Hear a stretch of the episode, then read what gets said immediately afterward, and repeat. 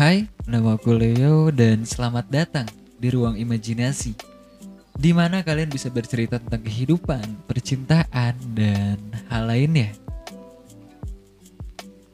Seperti biasa, ruang imajinasi bakal berbeda dari sebelumnya karena eh, ada nuansa baru dan tema-tema yang diangkatnya baru-baru juga.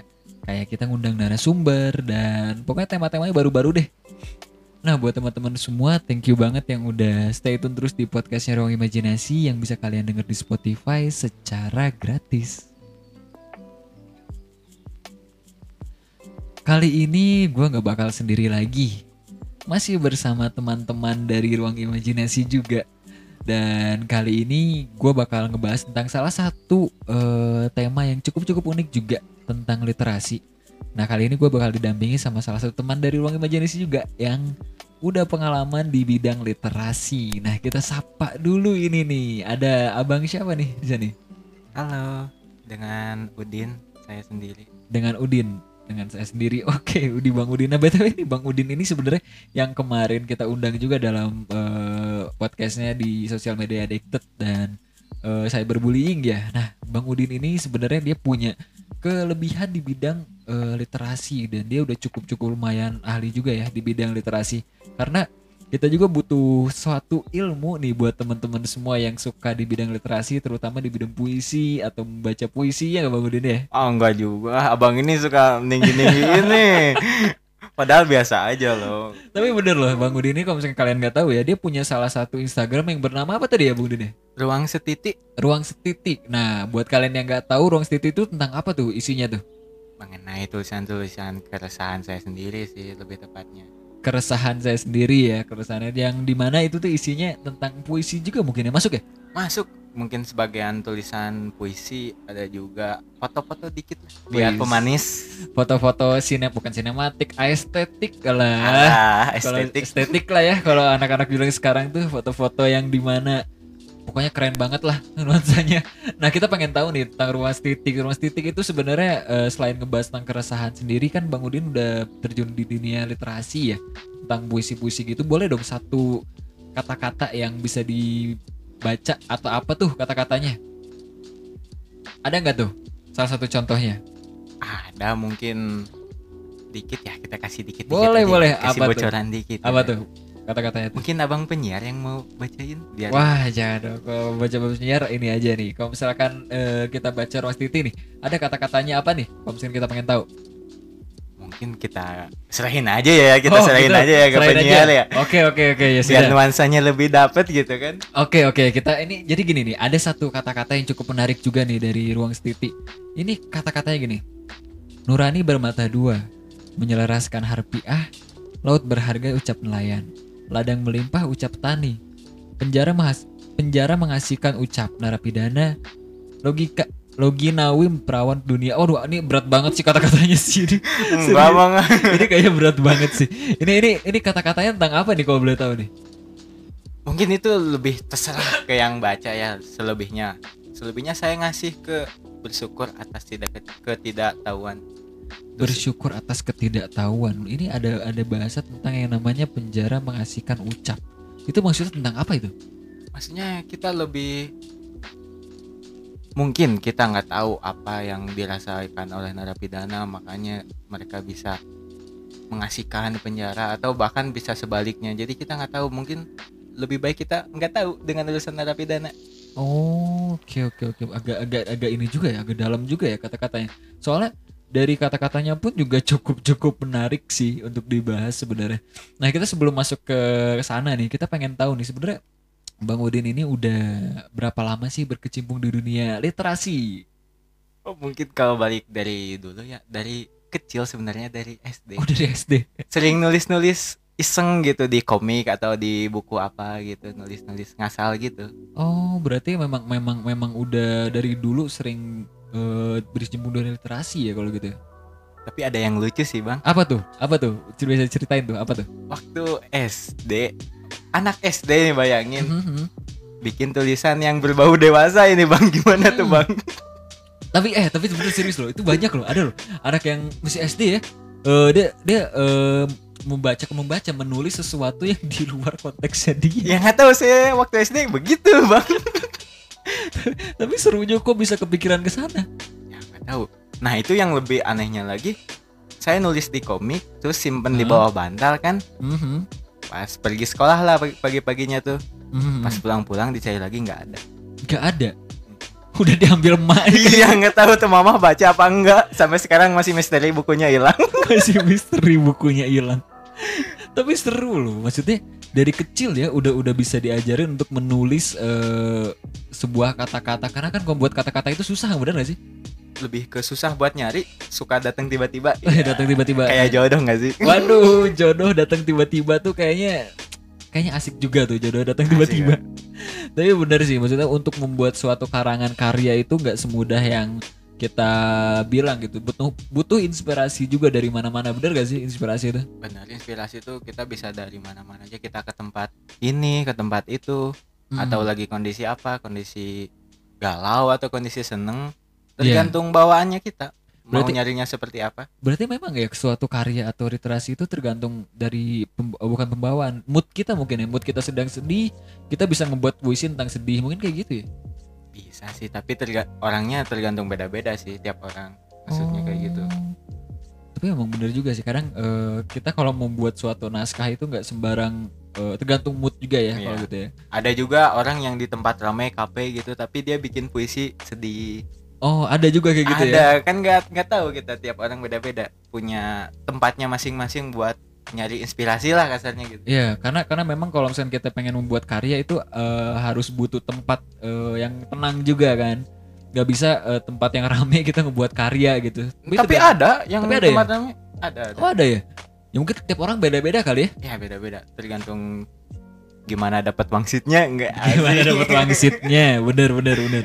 Nah nih ada ada ada satu kata-kata yang cukup menarik juga dari Instagramnya Ruang Setiti. Nah jadi buat kalian yang nggak tahu ya, bisa langsung follow aja Instagramnya di @ruangsetiti di sini. Gak pakai kak tapi setiti. Nah di sini ada banyak banget kata-kata yang cukup cukup menarik juga. Ini ada satu, satu satu kata yang cukup menarik nih. Lisanmu begitu indah dinikmati, merdu membuatku nyaman.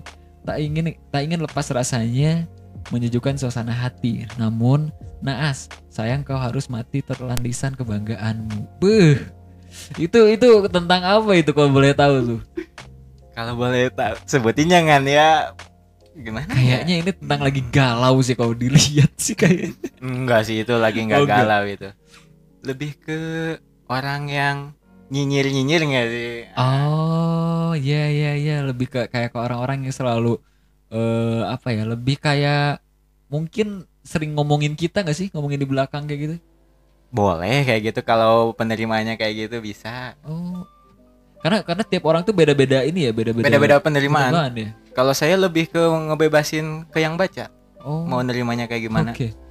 Tapi untuk untuk untuk Bang Udin sendiri untuk naskahnya ini sebenarnya tujuannya buat apa sih, Bang? tujuannya lebih ke disuruh teman sih ya, awalnya Suruh teman. teman sama saudara saya kasih lihat kan awalnya nih ada Iya. iseng kan pengen lihat buku punya ada buku lihat kayak gitu ih kenapa nggak diterbitin kayak gimana bla bla bla bla kayak gitu kan Hmm. ya karena terpaksa ya udah sih coba aja gitu. Akhirnya dari kata terpaksa itu menjadi membuahkan hasil karya yang bagus ya. Kayak gitu ya. yang nggak tahu juga sih. Yang nilai mah orang kan bukan kita sendiri. Bener bener bener tapi banyak banget kan kalau misalkan kita ngomongin literasi itu ada berbagai macam jenis ya. Ada yang namanya prosa ada yang namanya sajak atau sajak yang satir sarkas. Jadi itu banyak banget eh, kalau kalian teman-teman yang belum tahu ya kalau mungkin puisi ada bilang puisinya puisi romance romance mungkin kita bisa ambil kayak Hoerul Trian itu jatuhnya kayak ke romance kayak gitu kan Wes Rendra Wes? Rendra, nah kayak gitu. Itu puisi romance juga. Ada juga yang kayak satir-satir mungkin kurang tahu juga. Ada yang satir yang kayak lebih ke nasionalis siapa ya kira-kira itu? Wiji Tukul bang tuh bang yang dulu dulu Oh iya itu itu itu salah satu nasionalis juga itu mungkin jatuhnya antara satir atau sarkas bisa dimasuk sana juga. Karena kalau untuk satir dan sarkas itu salah satu pembawaannya cukup cukup keras dan ada bahasa membawa semangat nggak sih membawa semangat. Nah kayak gitu. Nah ada nggak sih inspirasi dari eh, puisi-puisi tersebut yang sampai sekarang bisa menulis untuk Bang Udin? kalau dari saya sendiri sih awal Mhm. tertarik jadi lebih mendalami gitu Mhm. pertama kali baca buku Khairul Gibran sama Khairul Karl. Marx gitu sih Oh Karl Marx, Wah itu dua itu emang emang cukup menarik sih bacanya. ya. Paling kalau lagi galau-galau tuh baca kayak gitu tuh. Kayaknya pernah nih galau-galau langsung nulis puisi pernah gak sih kayak gitu? malah itu harus dipancing dulu sama rasa baru bisa kalau saya Oh, sendiri harus dipancing dulu sama rasa. Tapi pernah galau?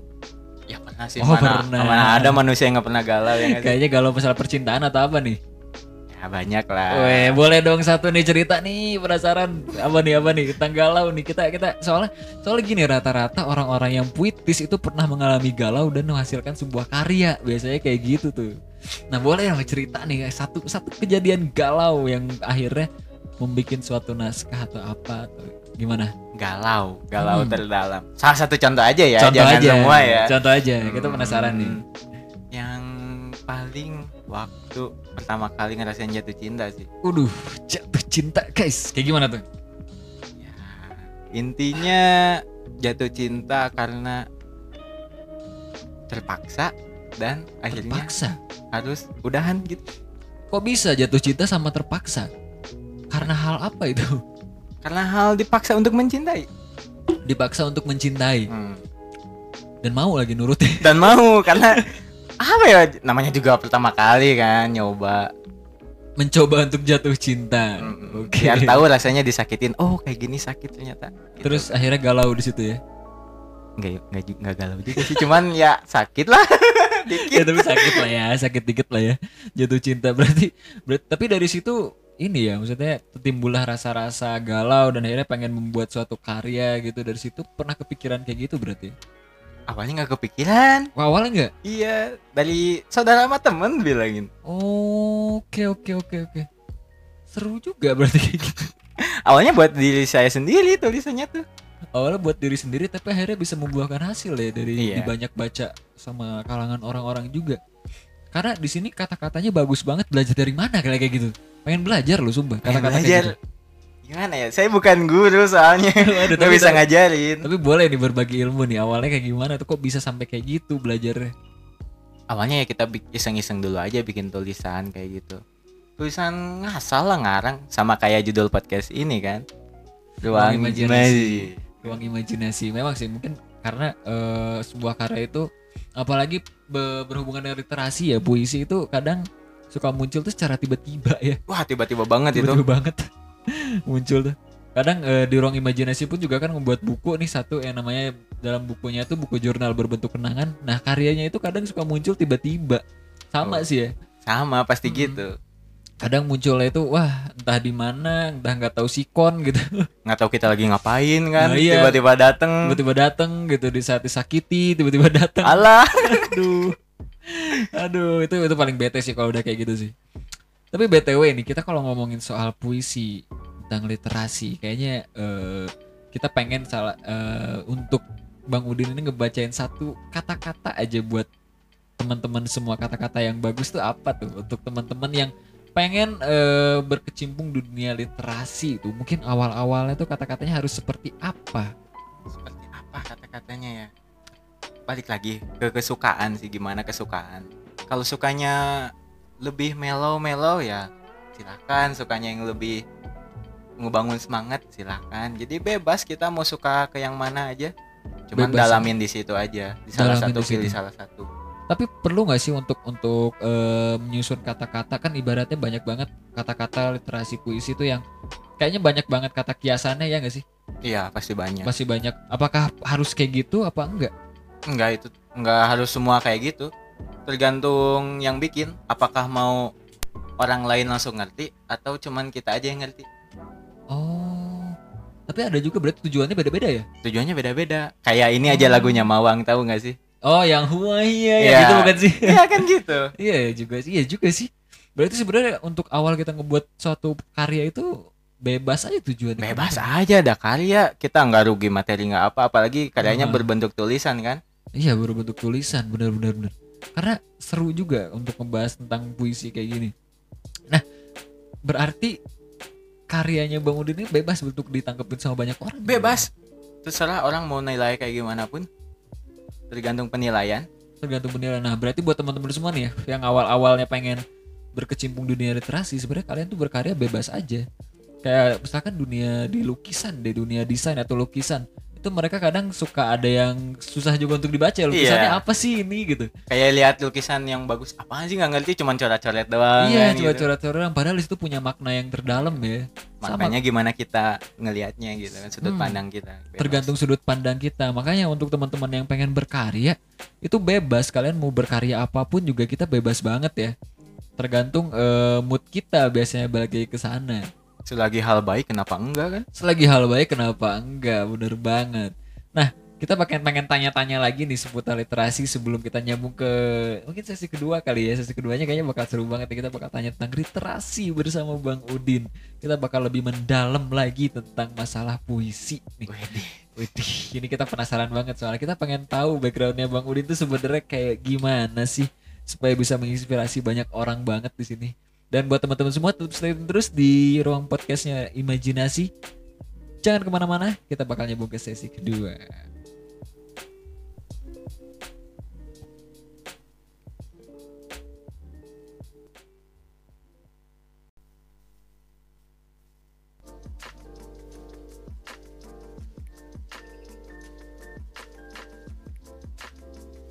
Masih balik lagi bersama gua Leo dan di mana kita masih ngebahas tentang literasi puisi bersama Bang Udin. Aduh. halo saya masih di sini Masih bersama kita ngobrol-ngobrol santai di malam-malam ini kayaknya kita ngobrol-ngobrol santai-santai aja Iya, kayak tentang boleh. puisi. Gue ada satu pertanyaan nih yang mungkin sering banget orang ngalamin ya. Pernah gak sih eh di mana di saat kalian ngebuat karya tuh bawaannya harus sambil ngopi dan sambil menghisap sebatang rokok Sebatang kayaknya. apa tuh? Sebatang rokok kayak yang alami bukan? Wah, aduh, kalau itu kayaknya jangan deh. kan imajinasinya biar lihat imajinasi biar lihat. Aduh, ini kayaknya bahasan 18 plus plus kayaknya kalau udah sampai sini kayaknya bahasan. Tapi bener ya, di mana kita kalau ngebuat karya tuh harus ditemani dengan kopi, bener gak sih?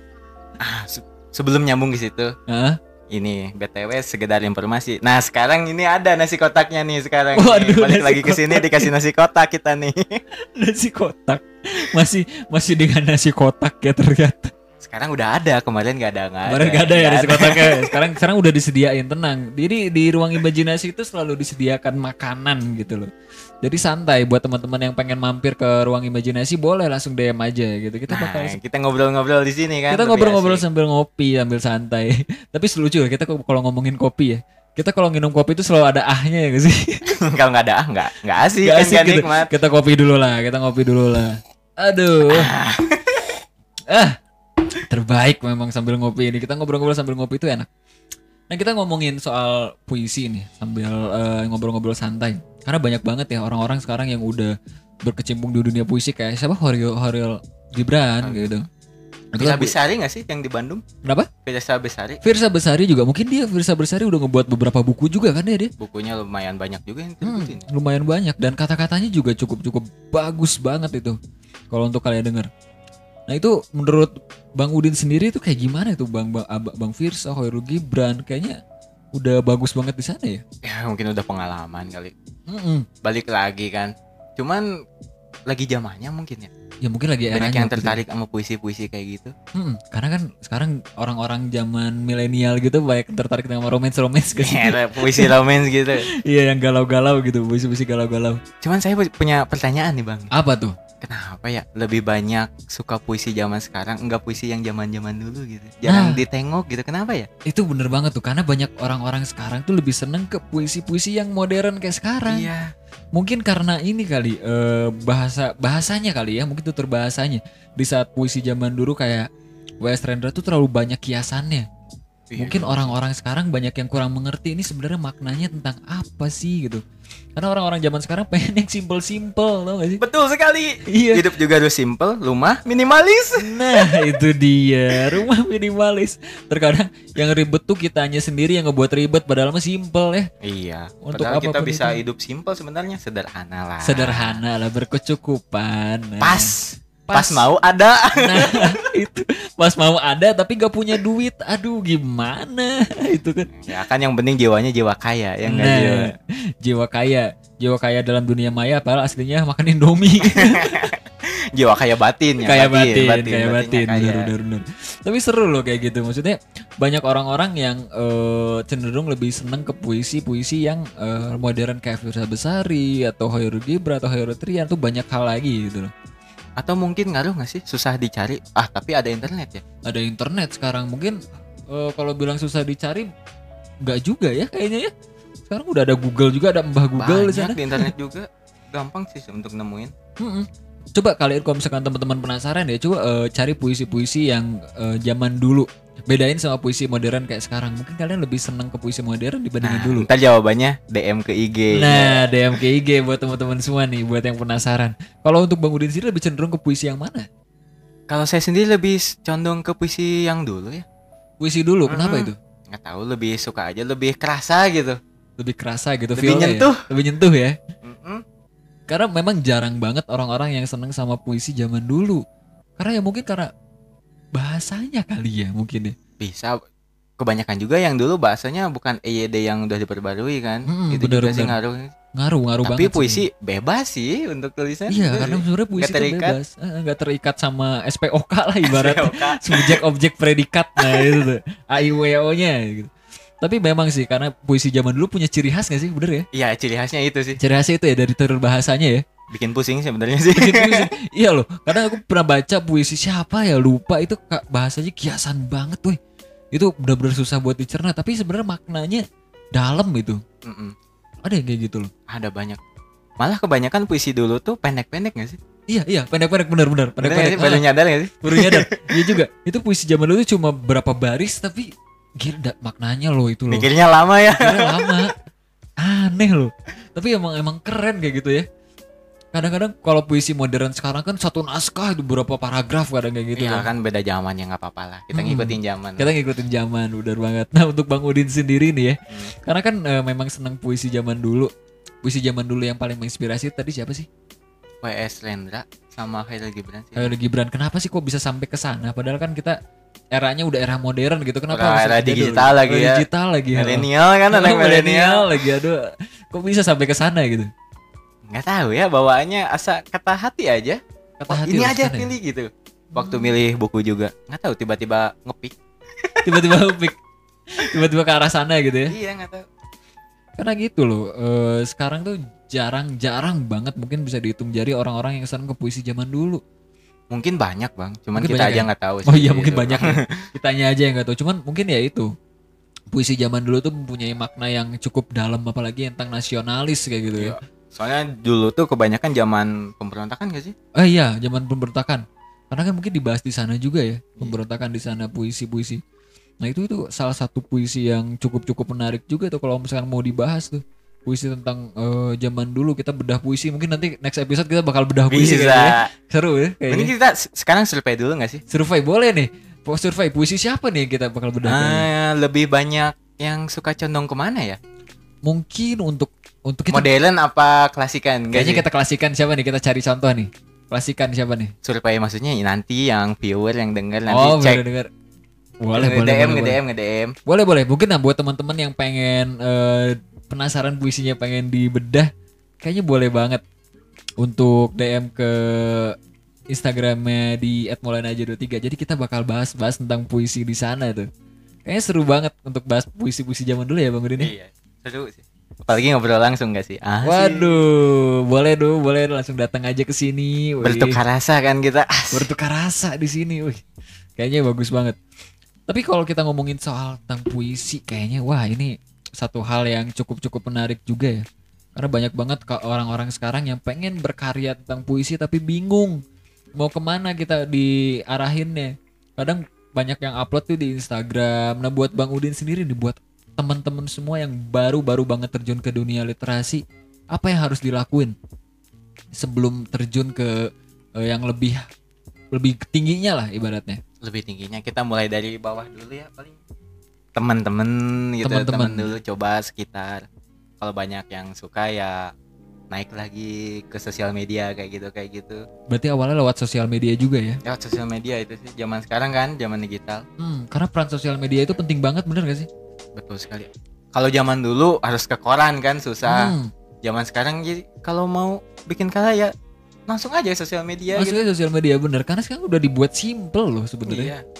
Kalian mau berkarya bisa langsung upload aja di sosial media gitu. Tinggal di Instagram kita posting karyanya kita itu udah ini nggak- nggak cuma di Instagram di YouTube pun juga sekarang udah banyak banget loh di YouTube. Mungkin yang sekarang tuh lebih ke berkarya ya dulu. Urusan cuan nanti lah nah kadang kalau misalkan kita bikin cuan dulu kayaknya susah banget ya Nah, ya susah juga sih cuman kalau yang nyarinya cuan ya silahkan juga Iya, silahkan juga nggak nggak menyalahkan juga ngelarang ya. sih Nggak ngelarang ya.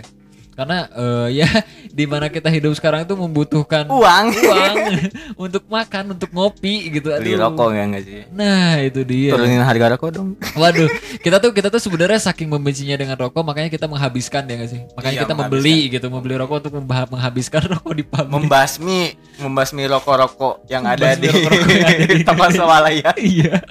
Tapi ya, jangan jangan dijadiin acuan juga ya buat teman-teman semua ya. Kita kita di sini nggak ke arah sana sebenarnya. alasan aja biar nggak disalahin. Iya alasan aja biar gak disalahin sebenarnya. Tapi seru loh.